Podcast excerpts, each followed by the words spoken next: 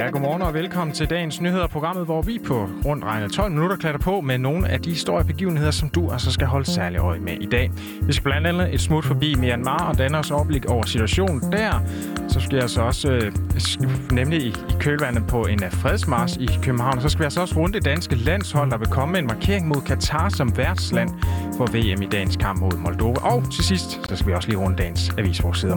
En hverdag i dag, det er mig, mit navn er Olaf Fonner, hvor har jeg Nana Mille. Hey. Ja, godmorgen, Anna Mille. godmorgen, Ulla. Har du sovet godt? Ja, det synes jeg da egentlig. Hvad med dig? Ja, ja, det synes jeg. Jeg er i hvert fald på kaffe nummer to, så jeg er totalt klar til dagens nyheder.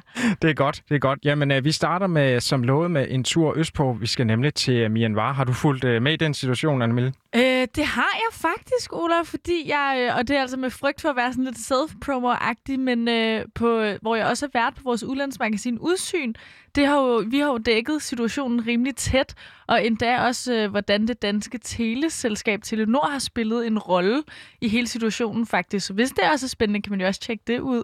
Ja, der med den opfordring giver videre. Jamen, Anne jeg tillader mig lige at, at rise situationen op, og så ja. må du jo uh, supplere, hvis jeg glemmer et eller andet. Men uh, sagen er i hvert fald den, at 1. februar, der tog landets militær simpelthen over og væltede den demokratisk valgte leder Aung San Suu Kyi. Og militæret, de tog simpelthen magten i landet, og det har altså ført til en øh, nærmest lavine af demonstrationer blandt en ret så utilfreds befolkning. De her demonstrationer, de er så langt fra at gå stille for sig. Flere personer er altså også blevet skudt af militæret, og mange har også mistet livet.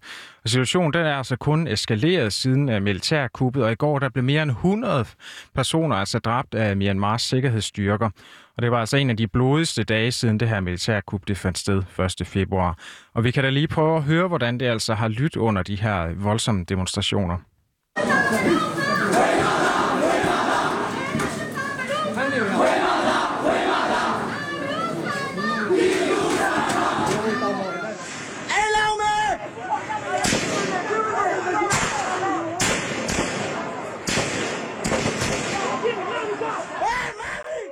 Ja, her var der altså lyd fra nyhedsmediet ved Arawadi, og så også øh, Malwani Mini Universitets uh, University Students Union, og som vi kunne høre, så er situationen altså rimelig voldsom lige nu.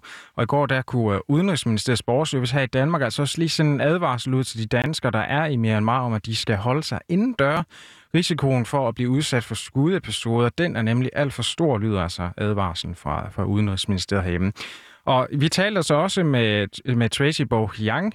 Hun har situationen her ret tæt inde på livet, fordi hun faktisk selv har familie i landet. Øh, jeg er i kontakt med min tante, når det kan lade sig gøre. Øh, der er militær lukker og åbner internet og telefon, som det passer dem. Øh, jeg ved godt, det er lidt svært at forestille sig her i Danmark, fordi bare når der vi har lidt dårlig forbindelse, så, ja, så bruger vi jo også lidt. Ikke? Øh, ja, jeg hører, øh, når jeg taler med min tante, så er det jo virkelig bange for, hvad der sker lige nu, og hvad der kan ske, altså hvad der vil ske, om der, der kommer til at ske noget borgerkrig.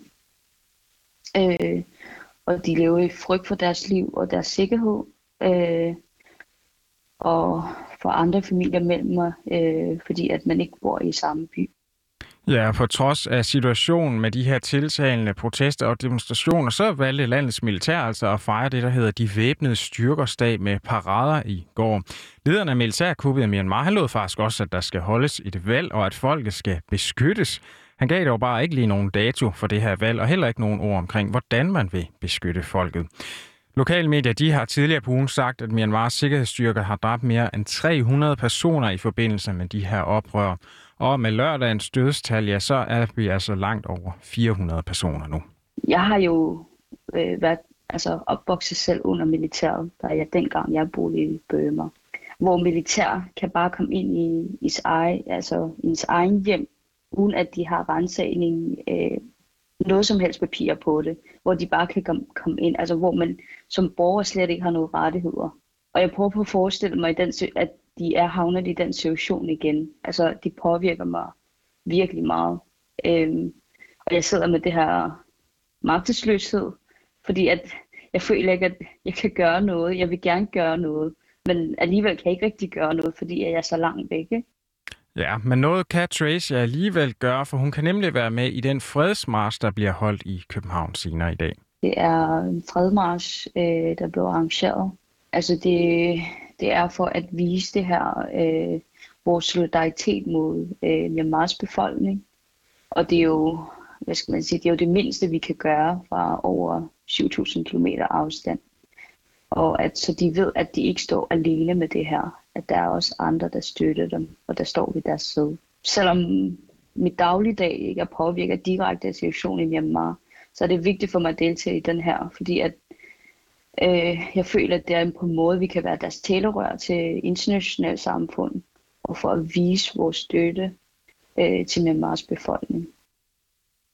Ja, og marchen her, den kommer ifølge Facebook-begivenheder altså til at foregå foran den kinesiske Folkerepubliks ambassade i København, og under Facebook-begivenhedens beskrivelse, ja, der står der blandt andet, at øh, man skal vise solidaritet med landets øh, folk, altså Myanmars, og så skal man altså også øh, demonstrere fredeligt for demokrati og retfærdighed i deres land. Og så kan jeg lige tilføje, at omkring 116 personer altså har trykket deltager til begivenheden her.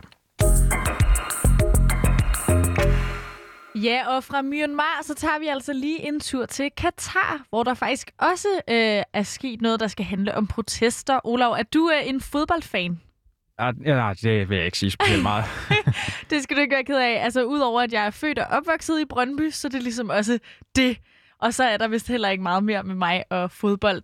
Øh, men du øh, ved måske, øh, eller også ikke, at Katar jo er kommende VM-vært, når VM skal afholdes næste år. Yes, der er vist noget med noget øh, menneskerettigheder og sådan noget, som øh, de har gjort sig lidt upopulære på. Det kan du tro, og det vil jeg gerne fortælle dig mere om, for i de her dage, der er kvalifikationskampene på programmet, men det er altså ikke alle, som du får nævnt her, der er helt tilfredse med, at Katar skal være værtsland, netop fordi landet er stærkt kritiseret for ikke at overholde menneskerettighederne.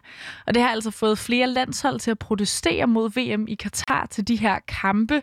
Men inden vi dykker helt ned i, hvordan de forskellige landshold ligesom har markeret den her utilfredshed, ja, så synes jeg altså lige, at vi skal blive bare lidt klogere på, hvorfor flere lande overhovedet har set så sure på Katar som værtsland til at starte med. Og det hjælper vores gode kollega Anna Søjberg med her.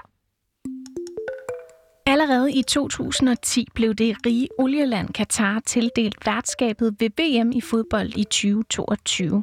Og lige siden har politikere, menneskerettighedsorganisationer og fodboldforbund forsøgt sig med at lægge diplomatisk pres på Katars regering. Flere rapporter, blandt andet fra Amnesty International, har nemlig påvist slavelignende forhold for gæstearbejdere i Katar til netop at bygge stadions til VM. Og diskussionerne om Katar som værtsland fik altså nyt liv i februar i år, inden kvalifikationskampene begyndte at løbe af stablen i marts. Her opgjorde den engelske avis The Guardian med indsigt fra regeringskilder, at 6.500 gæstearbejdere har mistet livet i Katar, siden de i 2010 blev tildelt VM-værtskabet. Derudover handler en central del af debatten om, hvorvidt man bør afholde VM i et land, der får kritik for ikke at overholde menneskerettighederne. Ja, tak til Anna Søjberg. For nu hvor vi ligesom ved, hvad der overhovedet er op og ned i den her sag, jamen så kan vi lige kigge lidt nærmere på de protester, der så har været de seneste dage. Og lad os starte herhjemme. Vi kan lige kigge lidt på det danske landshold, for i samarbejde med Holland, så har det er altså nemlig besluttet, og det synes jeg godt, vi kan være lidt stolte af, at markere behovet for forandringer i ørkenstaten. Og landsholdsspillernes markering, det er altså et ønske om forbedring og ændringer i Katar. Det oplyste Dansk Boldspil Unions kommunikationschef Jakob Højer på et pressemøde i går, men han løftede altså ikke sløret for, øh, hvad den her markering helt konkret går ud på. Men det kan være, at øh, vi kan få en lidt bedre idé og blive lidt klogere, hvis vi lige kigger på, hvordan Norge og Tyskland har båret sig ad. For i onsdags, der er bare nordmændene t-shirt med teksten Respect on and off The Pitch, og da holdet så stillede op til nationalsangen, skete det iført nogle andre trøjer, hvor ordet respect var byttet ud med human Rights. Og det tyske landshold de fulgte altså trop om torsdagen. Da de 11. spillere i startopstilling smed deres træningsdragter, ja, så dannede de til sammen ordene Human Rights med bogstaverne på deres t-shirts. Så det bliver altså lidt spændende at se, hvordan det danske landshold vil markere deres utilfredshed. Hvad tænker du, Olav? Er det sådan lidt, øh, altså de her t-shirts, tror du, de kan være med til at gøre en forskel? Åh, oh, den er svær. Altså, mm. jeg synes, det, det er et rigtig fint signal, hvis, hvis det danske landshold gør det, men jeg tror bare også, der skal nogle uh, politikere på banen og sige, at vi gør et eller andet sanktioner eller et eller andet over for Qatar, fordi t-shirts, altså, ja. ja, men det er rigtigt. Det virker sådan lidt flashmob-agtigt måske. Ja, fuldstændig. Altså forstår jeg ikke helt, hvorfor det er altså, landsholdet, der skal sidde med aben. Altså, der sidder jo også nogle politikere, der kan råbe vagt i gevær, hvis det er så stort et problem, det her. Ja, men det kunne vi nok snakke videre om. Du må hellere spille en skiller. Yes. Ja, for vi skal nemlig også øh, forbi dagens uh, avisforsider. En af dem, den finder vi altså hos Jyllandsposten, som øh, har set nærmere på en sag for Holstebro Kommune omkring anbragte børn. En leder af familieafdelingen i kommunen er nemlig kommet med nogle ret kontroversielle instrukser. Avisen har nemlig fået agtindsigt i tre mails, som altså viser, at lederen af den her familieafdeling i januar sidste år sagde til sagsbehandlingerne, at de altså skulle lukke for visitation til nye anbringelser og aflastninger. Og det skulle altså de gøre i, i nogle måneder.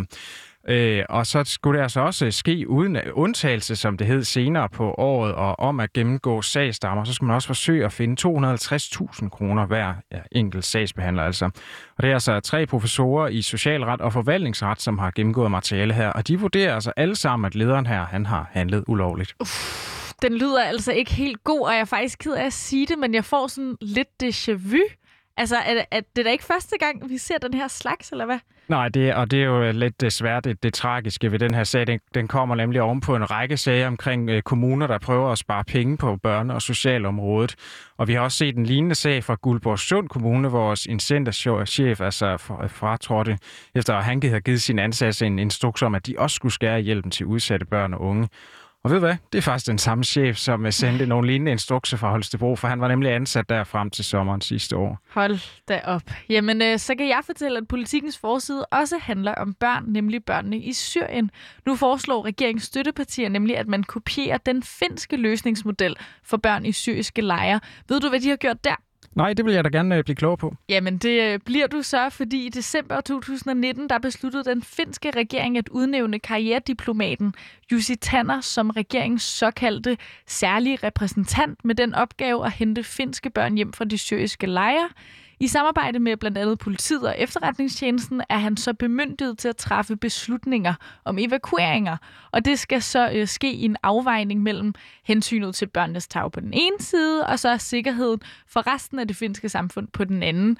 Og den model, ja, det er regeringens støttepartier altså ret begejstret for, men hvad udenrigsminister Jeppe Kofod mener om den, ja, det er altså ikke til at finde øh, på forsiden i politikken i dag, for han har nemlig ikke ønsket at øh, kommentere det her forslag.